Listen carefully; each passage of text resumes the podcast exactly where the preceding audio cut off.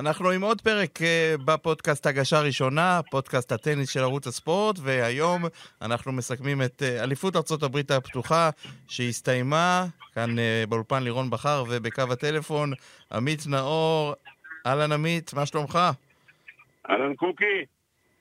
אז uh, היוס אופן הגיע לסיומו, קרלוס אלקרז uh, זוכה בגברים, איגה שוויאנטק uh, זוכה בנשים, אבל uh, אם היינו מדברים, uh, עמית, לפני הטורניר,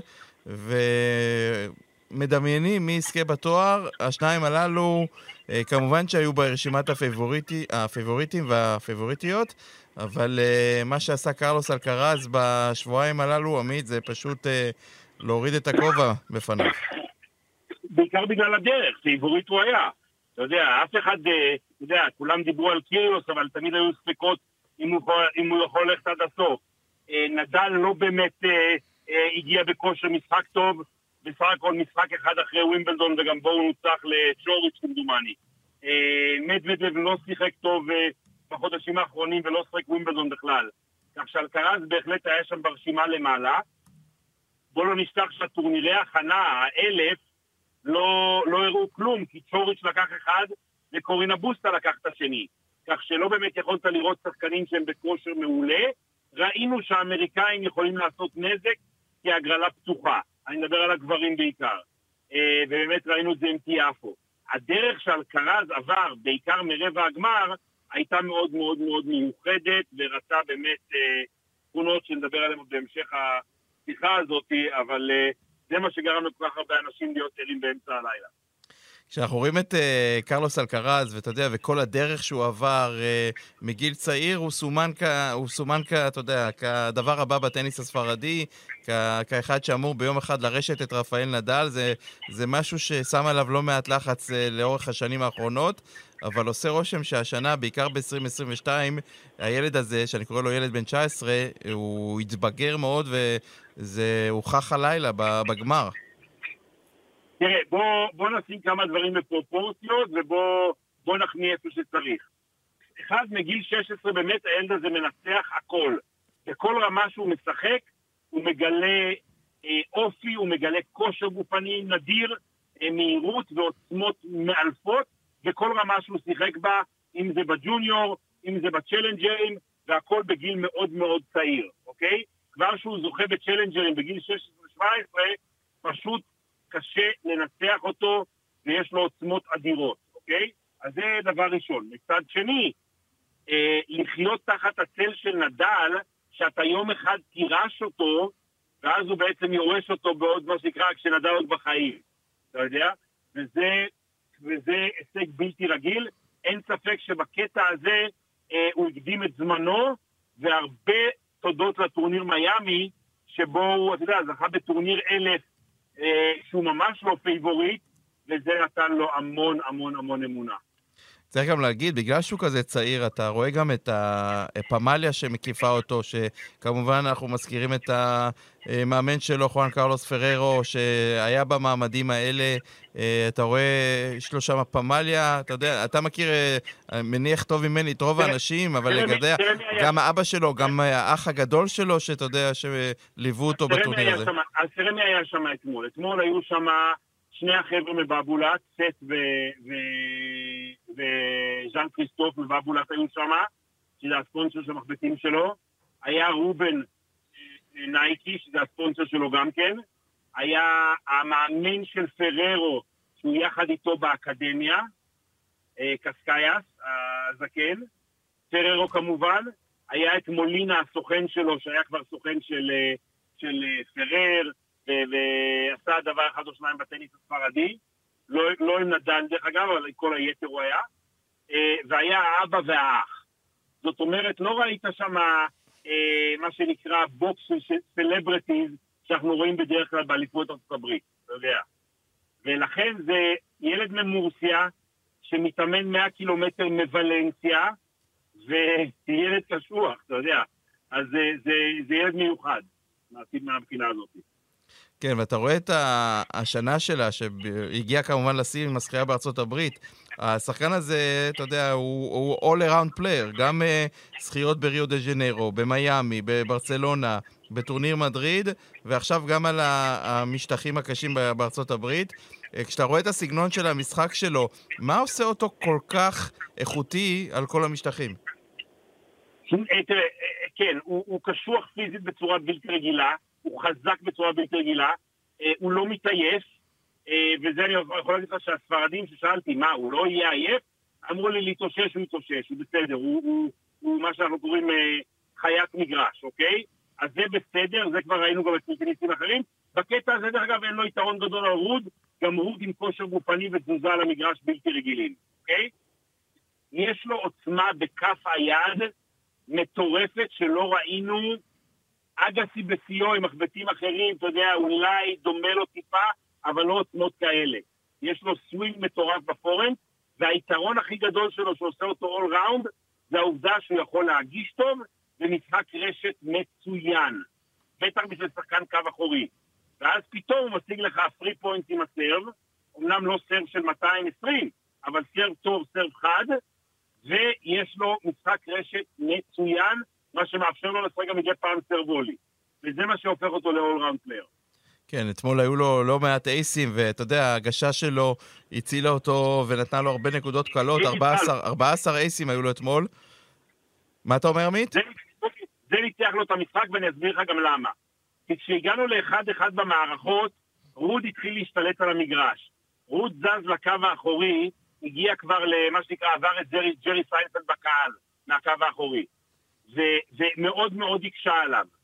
ורוד שלט, זכה במשחקוני ההגשה שלו די בקלות, ואלקרז הקיז דם בהגשות שלו.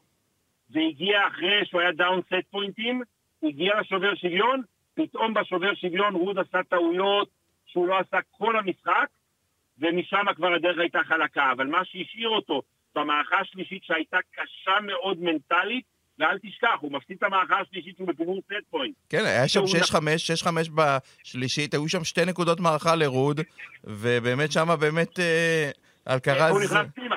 אלקרז, כן, כן, כן. נכנס פנימה, שיחק אגרסיבי, נכנס פנימה, ותזכור, אם רוד לוקח את זה, רוד נכנס לרביעית 2-1 במערכות, ועם יתרון גופני, כי העייפות התחילה לתת את אותותיה.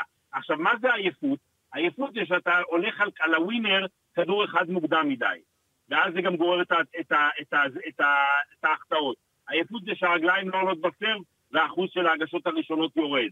הוא לא הגיע לזה כי הוא זכה בשובר שוויון.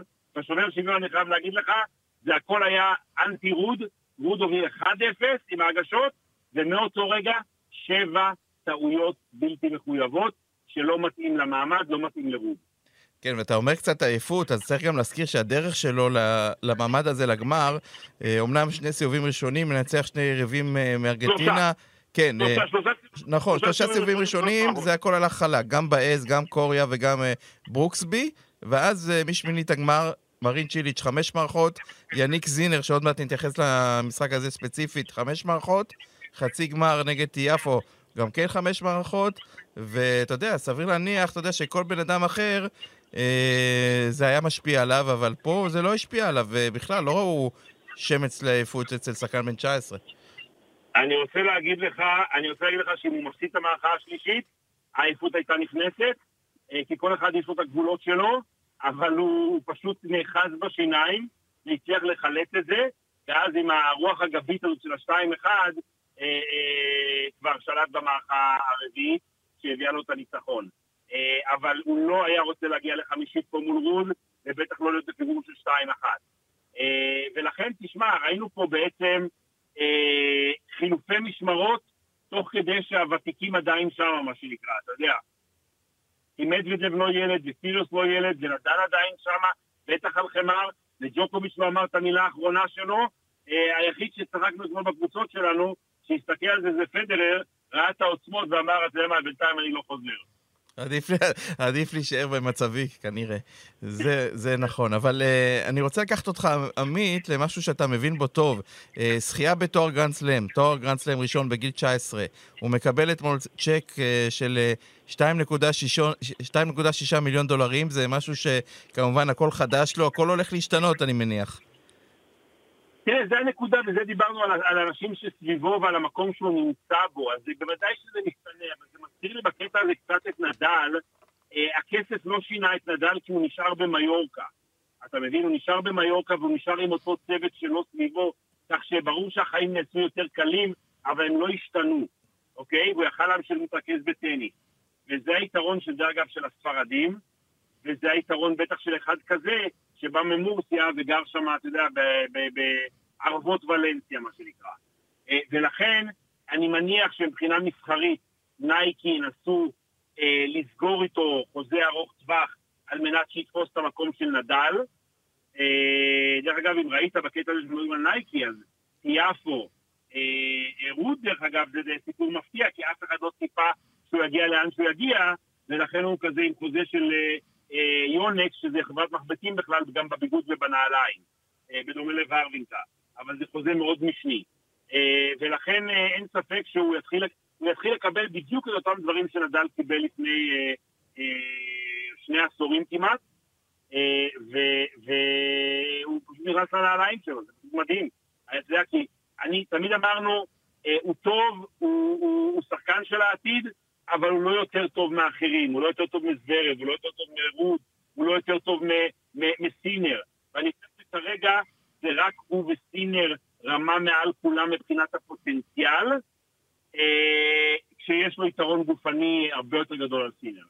כן, ואנחנו מזכירים המון את השם נדל בפודקאסט הזה, ונדל יש לו השפעה עמית על שני השחקנים הללו שאתמול שיחקו בגמר, גם על קלקרז וגם על קספר רות, שאת ה, את היסודות שלו, הוא צריך להזכיר שהוא עשה אצל, באקדמיה של רפאל נדל, אז נדל, אתה יודע, היה לו כאן, כמובן שהוא רצה, שאני מניח שאלקרז בתור ספרדי, שייקח את התואר, אבל כמובן שגם לרות יש, יש לו סנטימנטים. בוא, בוא אני אספר לך משהו שאולי יסביר, יודע, יש לנו הרבה... אני מניח שאם מישהו מאזין לנו זה עדיין ישראלים, אוקיי? אז uh, בגילאי 14, בטורניר uh, נוער, בזוגות, uh, בקשי הקטן ובן פתאל ניצחו את רוד בזוגות, אוקיי? וב-ADR גילאי 16, בן פתאל ניצח את רוד, אוקיי? ומה שרוד עשה זה, בגיל שלהם, הוא עבר לאקדמיה של נדל, אה, וזה כשיש לו אבא שהיה שחקן טופ 30. זאת אומרת, הוא לא נשאר בבית, שאבא יאמן אותו, שהיה לו את הכל, הוא, אתה יודע, מספר אחד בסקנדינביה, אה, אה, אתה יודע, בטח שבנורבגיה, כל דבר שהוא רק רצה, היה לו שם, הלך, הקריב את הכל, הלך לכור היתוך הזה שם בספרד, ומשם יצא שחקן, שחקן שחקן מה שנקרא, שהיה משחק אחד רחוק ממספר אחד בעולם. דרך אגב, לא בטוח שההזדמנות הזאת תחזור לו, אה? כי הוא לא שחקן ששווה מספר אחד בעולם, אלא אם כן אני טועה. אה, והוא היה משחק אחד ממספר אחד בעולם. הרוד, עם כל זה שהוא כיכב פה ב-US Open, ה bread and butter שלו זה הלחם והחמאה שלו, זה על החמר. אה, שם זה גם הטורנירים לרוב שהוא זוכה בהם. ואני מניח שהרולנד גרוס יהיה המגרש משחקים שלו, לכשנדל בגיל 50 יחליט לפרוש. כן, ללא ספק. רוד, אה, גם הוא עם, אה, כמו שאמרת, שנה מצוינת. היו לו, היו לו שני, שני טורנירים, אה, שני טורנירי גרנדסלאם שבהם הוא הגיע לגמר. בעולם גרוס הוא הפסיד שם לנדל, ועכשיו מפסיד ביוס אופן לאלקרז, והזכרת את הזכיות שלו, אז הוא זכה בבונוס איירס, הוא זכה בג'נבה, הוא זכה בקשטד. שלושת הטורנירים שבהם הוא זכה, הם היו על משטח החמר, כמו שאמרת, שזה... ב-250, ב-250, הוא לא זכה לא ב-500 ולא ב-1000. כן, אבל כמו שאמרת, המשטח החמר זה המשטח שהוא הכי מסוכן עליו, ואני מניח ש... אתה יודע, רוב השנה של סבע ATP היא, היא מבוססת על אה, חמר, ולכן אני, אני מניח שנראה אותו עוד הרבה הרבה מאוד זמן בצמרת הגבוהה. לא, בצמר, בצמרת זה לא ספק, כי הוא יציב בצורה בלתי רגילה, ואתה רואה גם את ההישגים האלה גם באולמות וגם על מגרשים קשים, שהיציבות שלו מנצחת את הברטינים של העולם, אוקיי? את הקצ'אנובים, את הברטינים ואת כל החבר'ה האלה. בימים שהיה דומיננטיות של השלושה, ארבעה הראשונים שאנחנו מכירים, לא היה לו שום סיכוי על המגרשים המהירים האלה מולם, אוקיי? ובימים ש, שאיזנר היה צעיר, שראוניץ' היה בשיאו, שדימיטרוב היה בשיאו, שהשחקני, שצ'יליץ' היה בשיאו, לא, לא, לא היה להם uh, שום סיכוי uh, על מגרש מהיר uh, מול החבר'ה האלה. עכשיו הכל פתוח, בואו לא נשכח, זרב לא היה, שזה שחקן מגרשים קשים מצוין. ציציפס היה נורא ואיום, כמו שיש לו עליות וירידות כל פעם. וזה פתח לו את הכל. ואם אתה פותח לרות ההגרלה, אז הוא, ינצל את זה כי הוא מאוד מאוד מאוד יציב. עבודת רגליים פנטסטית, שליטה נפלאה בקו האחורי, ומאוד מאוד רגוע ושקול. אה, כמו שאתה מצפה בסקנדינבי, מה שנקרא. כן. אז, ו... אה, דרך אגב, אני חייב להגיד לך שבקטע הזה, עם כל זה שהעתיד הוא של אלקרז ושל סינר, הסיכוי שלהם להיפצע, של שניהם, שחובטים בעוצמות אדירות כאלה, הוא הרבה יותר גדול מאשר של רוד, שהוא שחקן יותר יציב, שהתנועה שלו על הקו האחורי יותר באה לו באופן טבעי. ולכן אני צופה שתהיה לו קריירה מאוד מאוד מאוד יציבה.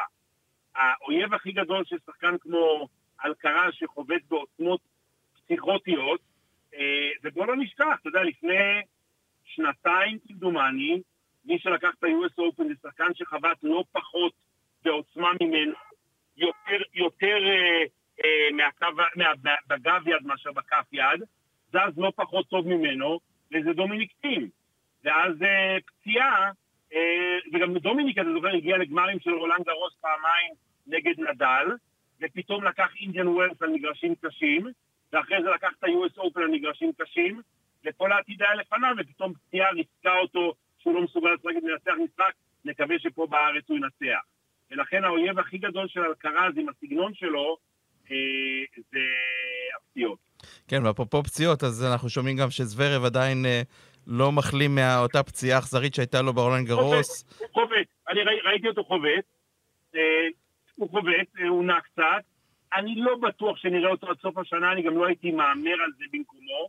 אין באמת סיבה, אתה יודע, זה לא ממש משנה אם הוא יגמור שבע או יגמור 12, אולי מלבד קצת בונוסים בחוזים, אבל הוא יהיה פקטור שנה הבאה, הוא יהיה פקטור שנה הבאה. אז רק כדי לסכם את, את נושא אלקרז, אתה רואה את, את הגרנדסלם הזה, הראשון שלו, ב-US Open פותח עכשיו רצף של זכיות, או שזה הולך להיות uh, צמוד, שקול, וכמו שאמרת, uh, ג'וקוביץ' יחזור, נדל יחזור?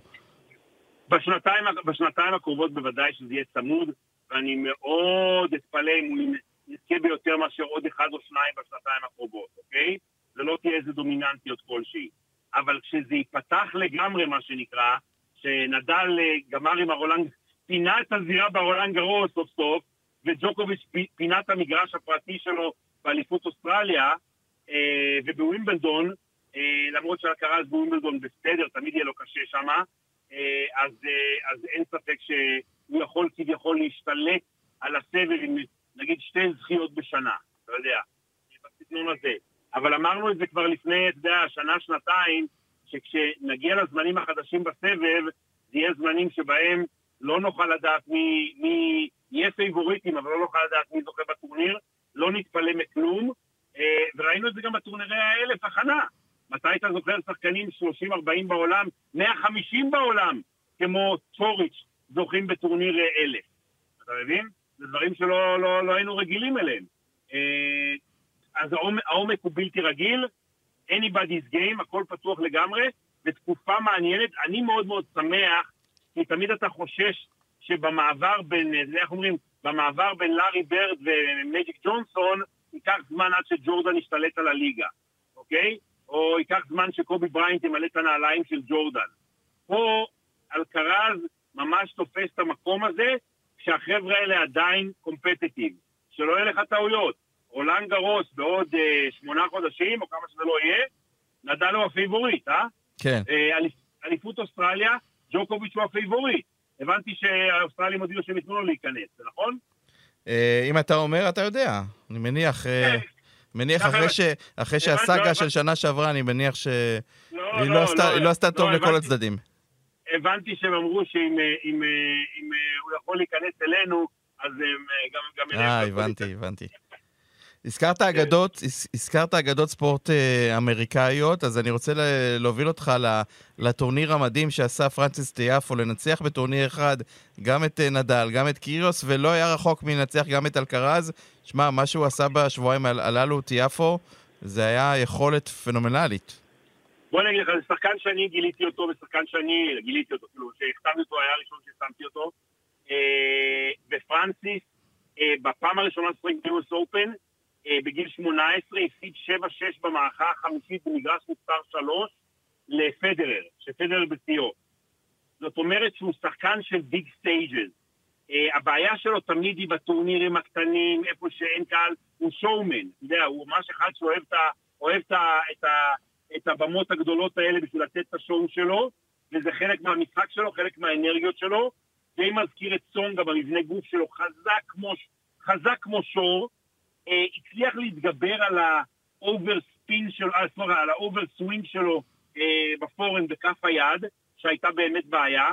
מכת גב יד מאוד מאוד חדה, תזוזה על המגרש, תשמע, כמו מטוס, אה, והוא ניסה, על, בעינינו הטורניר הזה היה על הגלים של האהדה של סרינה. זאת אומרת, סרינה גמרה, מה זה היה, סיבוב שלישי, נכון?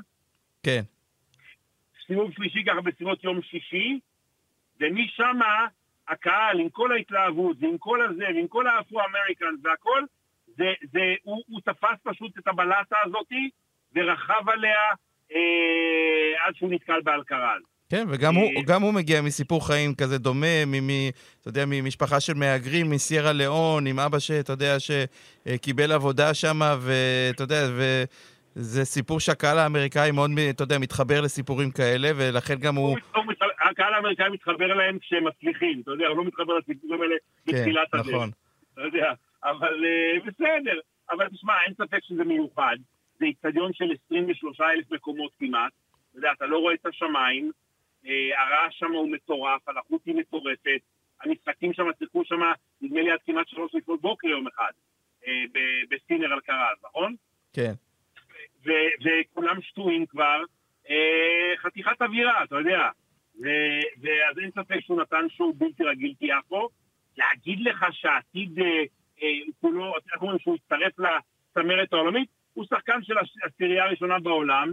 אני חושב שדווקא היציבות של פריץ למשל, שהפסיד הראשון אמנם, אה, לאורך הסבב במהלך השנה, אה, תועיל לו יותר מאשר של אה, טיאפו. טיאפו עדיין על חמר תהיה לו בעיה.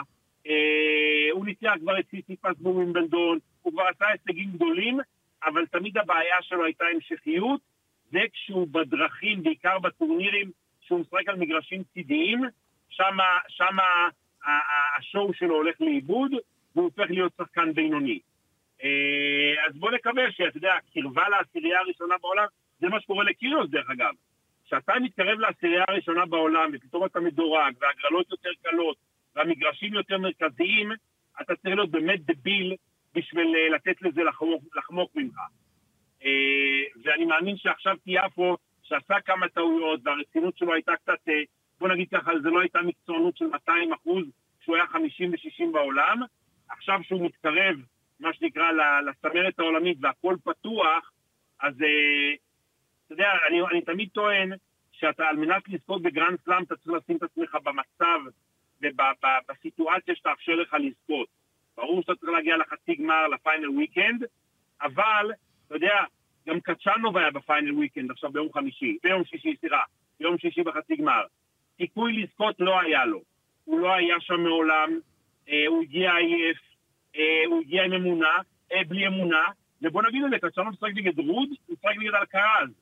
הוא היה, אתה יודע מה? לפחות 20-30 אחוז סיכוי, לא היה לו אפילו אחוז אחד של סיכוי, אוקיי? כן. כי הוא לא היה במצב להגיע לשם.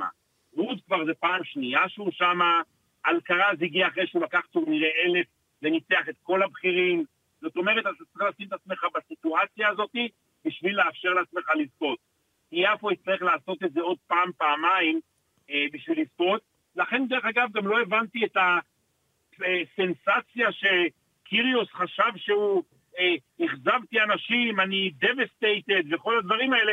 נכון, היית בגמר ווימבלדון בטורניר בלי נקודות ובלי הרוסים ובלי אה, הרבה שחקנים, ושיחקת טוב, אתה משחק לא רע, אבל זה רק אתה חודשיים שלושה באמת בצמרת העולמית מבחינת הרמה וההתייחסות שלך. לפני זה זה היה כמו רכבת הרים כזאת.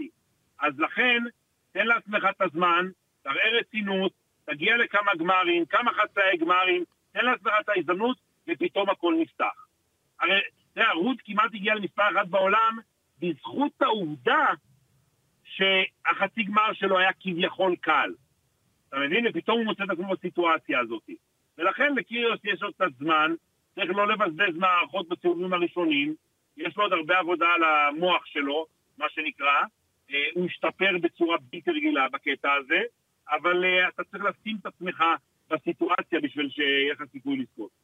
וכדי לנעול את פרק uh, הגברים, אני רוצה לקחת אותך למשחק שהרבה פרשנים מגדירים אותו שלא יודע אם הם מגזימים או לא, אבל תגיד לי אתה, שעולם הטניס היה קיים עד המשחק הזה, ומהמשחק הזה, המשחק בין אלקרז ליאניק סינר, זה באמת היה משחק מדהים, עם ה... כמו שאמרת, שני השחקנים שהולכים להוביל את הטניס העולמי בשנים הבאות, עם נקודות מדהימות, עם עוצמות אדירות, אבל יש, יש שמגדירים את המשחק הזה שמשחק היסטורי. אוקיי, okay, בואו בוא נשים קצת אה, סדר ופרופורציות בדברים. Uh, בשנת uh, 2000, מראט סאפין פירק את פיט סמפראס במגרש המרכזי בגמר, 6-3, 6-3, 6-4, משהו כזה, אוקיי? אה, ג'ון מקנרו באחת השנים הראשונות שלו כפרשן אז ב-ABC אמר, זה השחקן שלא ישנו את החוקים, אוקיי? ולא שינו את החוקים, וראינו הכל, ועלינו הכל, והכל בסדר, אוקיי? מה שנכון זה ששני החבר'ה האלה, ודרך אגב, נושא הכדורים אנחנו נבדוק אותו, אני אומר לך ששינו את הכדורים ב-US Open. מה זה אומר? אנשים, אה, שמעתי את הנשים מתלוננות שהכדור היה שונה ביניהם לבין הגברים, ויש לי הרגשה שהכדור טס, המגרש לא היה מהיר, אבל הכדור טס בעוצמות, אוקיי? שים לב, אם המגרש מהיר מדי, אז הסרבים פתאום נהיים הופכים להיות דומיננטיים בצורה בלתי רגילה. שזה לא קרה. לא קרסי, לא אופלקה, לא איזנר, אף אחד מה servers הגדולים, כולל לא קיריוס, לא ראינו שה serve-ים עושים דומיננטיות כזאת. מצד שני, הכדור טס באוויר במהירות מטורפת מה baseline, אה, ואני חושב שיש לכדורים אה, משהו לעשות, אה, לעשות עם זה. זה לא אומר ששני החבר'ה הספציפיים האלה, בעיקר בכף היד, חובטים בעוצמות מטורפות, אוקיי? אבל בואו גם נגיד על זה, לשניהם אין מכות פתיחה כאלה אדירות. אתה יודע, אתמול בלילה דיברתי עם ראוניץ', והוא אומר לי, אני לא הייתי מפסיד את ההגשה שלי לאף אחד מהם. וזה די נכון. כן. זאת אומרת, הספירות שם, לא ראינו אותם, אתה יודע, כאילו מתמודדים נגד שחקנים עם הגשות אדירות. ואתה יודע, השחקנים האלה של ה-230, 240, 150 מייל אה, טרם.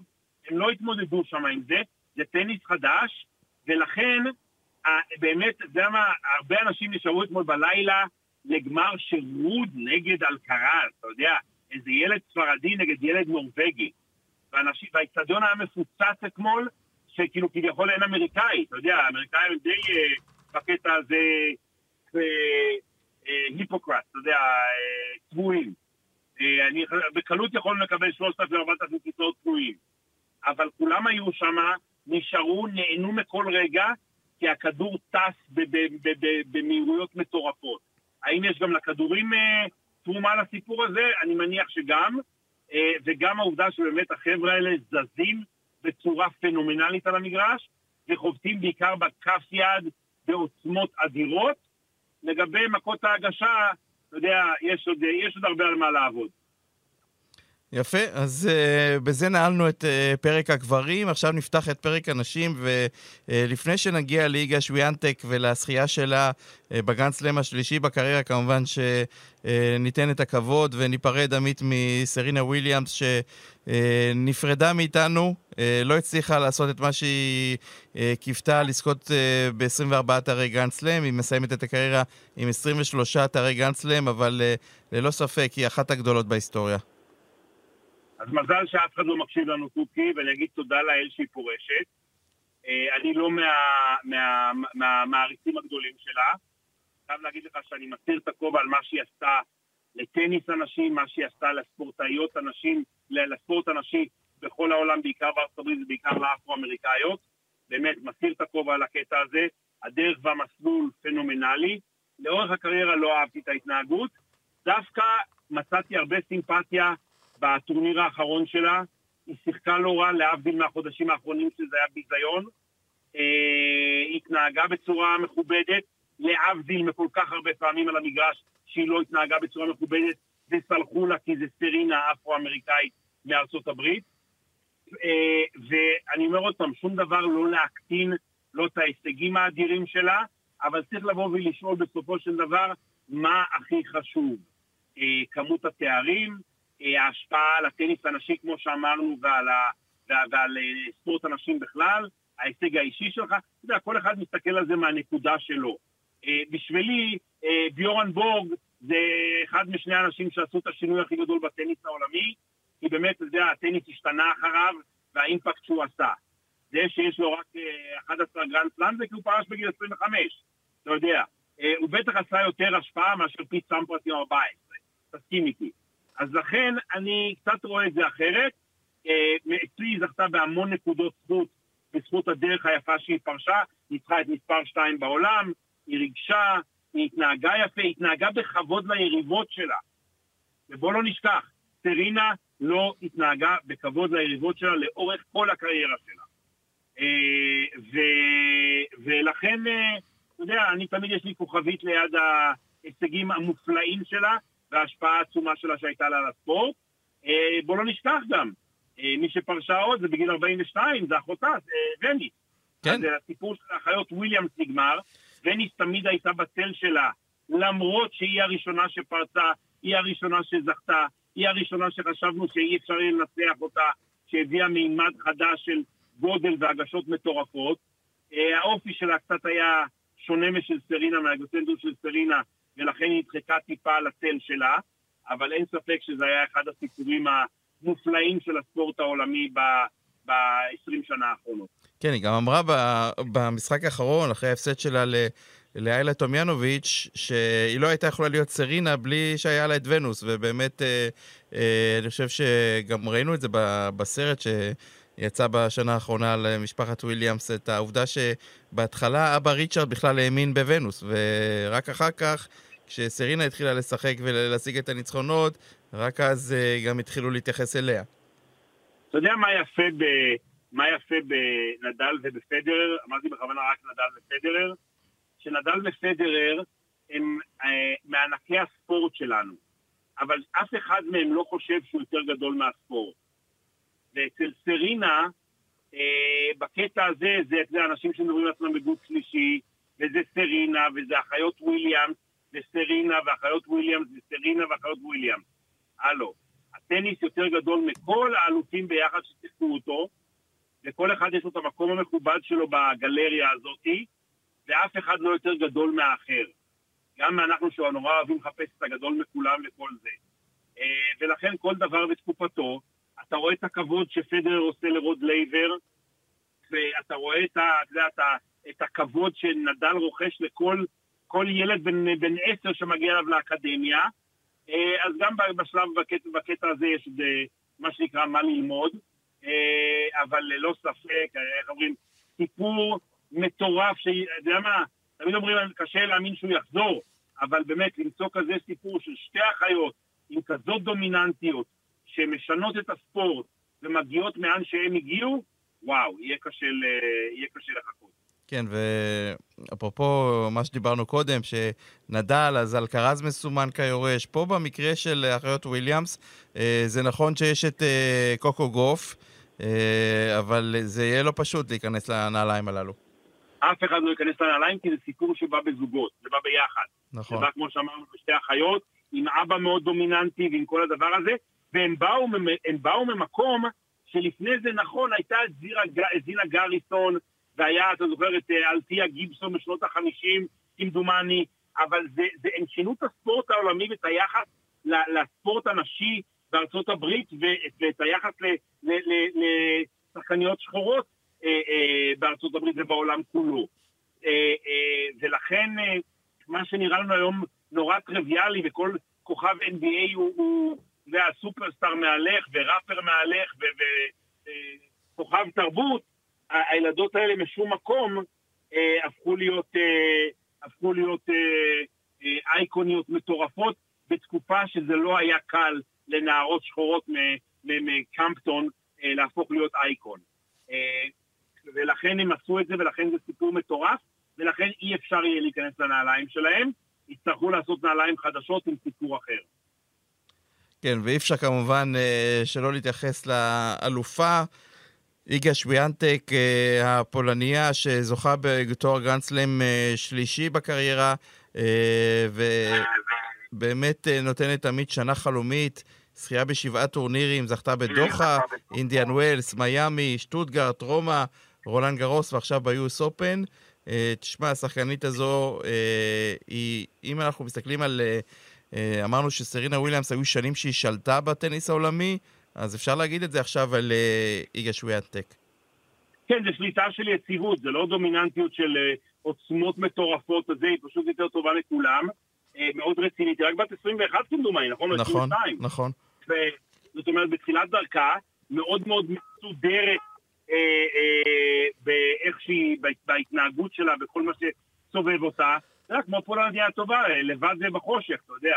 אה, אבל אה, טניסאית נפלאה, והיא למשל תאגור גרנד סלאמים, אוקיי?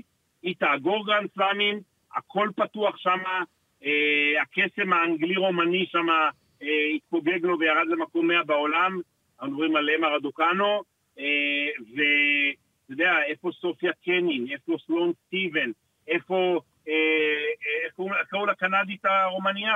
אנדרסקו, אה, אנדרסקו. אנדרסקו. כל השחקניות האלה שזכו בגרנד סלאמים ונעלמו, אתה יודע.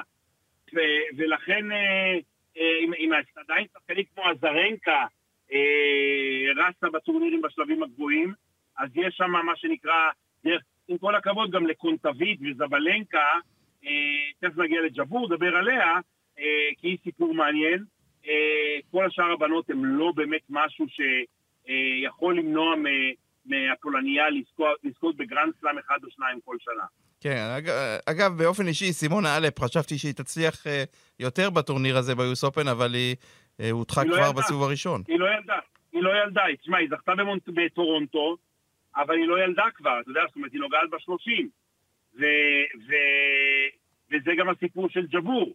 ג'בור גם כן כבר לא צעירה, עברה שלבים, האפריקאית הערבייה אה, הראשונה שמגיעה להישגים כאלה, שזה באמת אה, בלתי רגיל, אבל אה, אתה יודע, לא, היא לא בגיל ולא ב, ב, גם ברמה שלו, של, שלו של הפולניה, ואתה יודע, יש שם עוד שחקניות טובות, סקארי, אתה יודע, לא חסר שחקניות טובות, אבל ואין ספק שעוד שתיים, שלוש, אשלי ברטי, היה עושה את זה הרבה יותר מעניין. זה מה שהם ציפו מאנדרסקו ומרדוקנו אה, לעשות. אה, אה, שיקי, אה, אה, קוקי, שנה שעברה שרדוקנו זכתה בגמר, אתה זוכר את מי ניצחה, את מי ניצחה בגמר? איזה קנדית, פרננדז. איזה, איזה, כמו, יפה אמרת, ליילה פרננדז, איזה קנדי. שחקנית זוגות שהגיעה לגמר, אתה מבין? אז איפה, זה, אף אחד מהם לא הפכה להיות אה, שחקנית צמרת אמיתית. אה, ולכן אם אה, קרבר עוד רצה שמה, ואזרנקה רצה שמה, והאלפ רצה שמה, הדרך של הפולניה אה, לעוד אה, עשרה גרנד סלאם פתוחה לחלוטין. כן, ואמרת, הזכרת את ג'בור, אז זו פעם שנייה שהיא אה, מגיעה, אתה יודע, עד לצלחת, עד לבאר, ולא מצליחה לשתות. זה קרה לה בווימבלדון, כולנו זוכרים, נגד ריבקינה, ועכשיו כמובן שאין מה לעשות, ביוס אופן שוויאנטק כמובן הייתה פבוריטית, אבל היא... עדיפה, עדיפה, עדיפה. 9-0 בגמרים, לא הפסידה מערכה באף גמר מהתשעה גמרים האחרונים שלה. אין ספק שווימבלדון היה קצת החמצה של ג'בור. מבחינתה חבל שווימבלדון לא היה השני שלה, שהיא כבר יותר, כי מאוד התרגשה בגמר הראשון הזה. ואני מניח, כמו שאמרתי לך, שהיא יכולה עוד להגיע לגמרים ושם כבר יהיה לה יותר פתוח ויותר קל. אבל זה לא שונה מסקארי תגיע לגמר, מהלק תגיע לגמר, מכל אחת מה...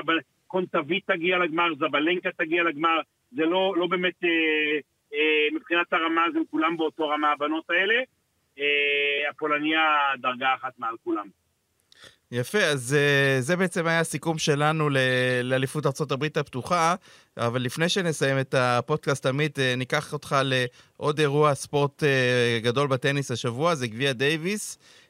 שמשוחק, אני מדבר עכשיו כמובן על, ה, על הבית העולמי, שמשוחק במתכונת של מספר ערים בעולם, והנבחרות שמגיעות לטורניר הזה מגיעות לא בסגלים הכי חזקים שלהם. כן, אבל אתה צריכים להתייחס אחד-אחד, בוא נתייחס גם למפגש גד איקס אצלנו. נכון, אבל תכף נגיע לזה. רציתי קודם בכוונה להוביל אותך לבית העולמי, ששם אנחנו יודעים שג'וקוביץ' לא, לא ישחק בחלק הראשון. היום, אה, כאמור, שמענו על זוורף שעדיין לא, לא כשיר לשחק עבור גרמניה, ואני לא יודע, לא בטוח שאלקרז ישחק, אה, עבור ספרד, אני מניח שעכשיו אחרי הזכייה שלו, הוא בטח ירצה קצת אה, לקחת חופש. כן, אבל אני אגיד לך, זה, לא- בדיוק הנקודה, הנבחרות הבכירות האלה, חוץ מאשר נגיד יוון ובולגריה שבנויות על שחקן אחד, אפילו אנגליה, אתה יודע, יש להם שלושה ארבעה שחקנים, כולל שחקני זוגות טובים. זאת אומרת, לגרמנים יש זוג מצוין, לאנגלים יש זוג מצוין, אה, לספרדים יש את בטיסטה ואת, אה, ואת אה, אה, קורינה בוסטו, ואת דוידוביץ', אתה מבין? כאילו, גם לסרבים יש מספיק שחקנים. כך שאני מניח שהנבחרות הבכירות יצלחו את הבתים המוקדמים האלה, את הבתים המוקדמים של הבית העליון, אה, ולקראת מלאגה בסוף השנה, אני מניח שאנחנו נראה, נראה את כולם בסגלים יותר, אה, יותר עמוסים. אז אה, נסיים את הפודקאסט עם אה, ישראל נגד צ'כיה, זה קורה בסוף השבוע הזה בהיכל שלמה, בדרייב אין. אה, הנבחרת הצ'כית אה, מגיעה לכאן עם אה, אה, עם שחקנים, אה, עמית, שעל הנייר כמובן אה, פייבוריטים מול הנבחרת שלנו, אבל ראינו כבר בעבר את ישראל, ולאורך השנים, מצליחה לגבור על נבחרות שעדיפות עליה. תראה, בארדה שטרלובה ב-80 ווואו, וואו, שכחתי באיזה שנה, מנזו, גליקשטיין, קרקיס, פלום, ניצחו את צ'כיה, את צ'כוסלובקיה. נכון, 87, אם אני לא טועה. עם מלוסלב מצ'יר. אתה זוכר הגדול, ותומאס שמיט וקרל נובצ'ק, אה, אה, להם נבחרת מאוד מוכשרת לצ'כים, נבחרת אה, צעירה, זה כן. המאצ'ק, לחצ'קה. ולצ'קה וקופריבה וווסלי, ונבחרת מאוד מוכשרת. הבעיה שלנו בעיקר זה שהשחקנים שלנו בכושר לא טוב. אתה יודע, זה המשחק לפני פרידה של יוני, ויוני וקוקרמן הם אה, אה, צמד טוב בזוגות, טוב, לא פחות טוב מהצ'כים. אה, איש היוליאל לא בא בכושר טוב, אף אחד מהשחקנים האחרים לא בכושר טוב.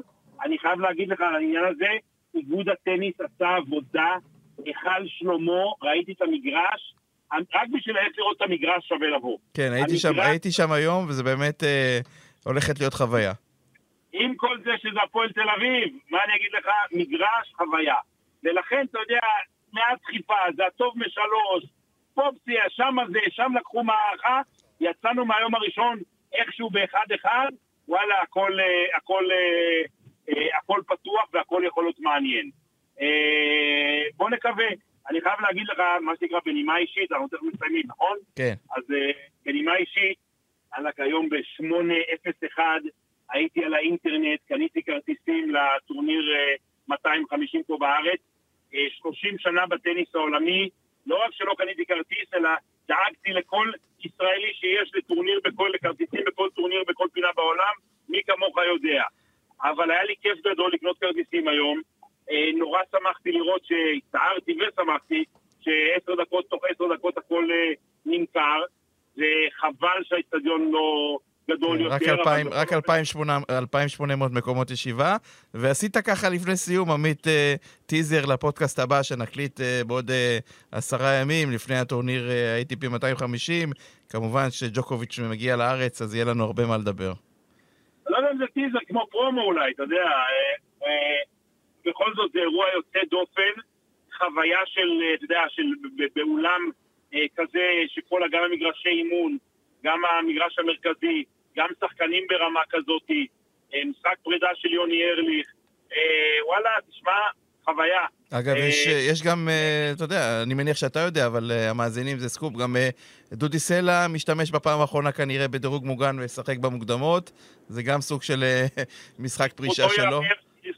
לזכותו ייאמר שהם העניקו לו כרטיס חופשי להגרלה הראשית והוא ויתר על זה. על מנת, איך אומרים, אין צורך, מה שנקרא.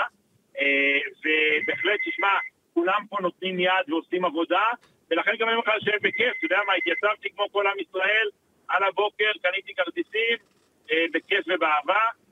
גילוי נאות, אני כנראה בבולגריה עם הבן שלי, אתה יודע, הפועל חיפה משחקים גביע אירופה בכדורסל בוויקנד הזה, אבל אני בטוח שיהיו הרבה על הכרטיסים. יפה, אז uh, אני כבר מזמין אותם. אז uh, עמית, כרגיל, היה, היה תענוג. היה תענוג uh, לדבר איתך, לסכם את uh, אליפות ארה"ב הפתוחה וגם להסתכל קדימה לאירועים הקרובים שמצפים לנו. אז uh, זהו, זה היה הפודקאסט הטניס uh, של ערוץ הספורט. עמית נאור, המון המון תודה. באהבה. ואנחנו uh, נשתמע בקרוב. תודה רבה, והמשך uh, האזנה נעימה.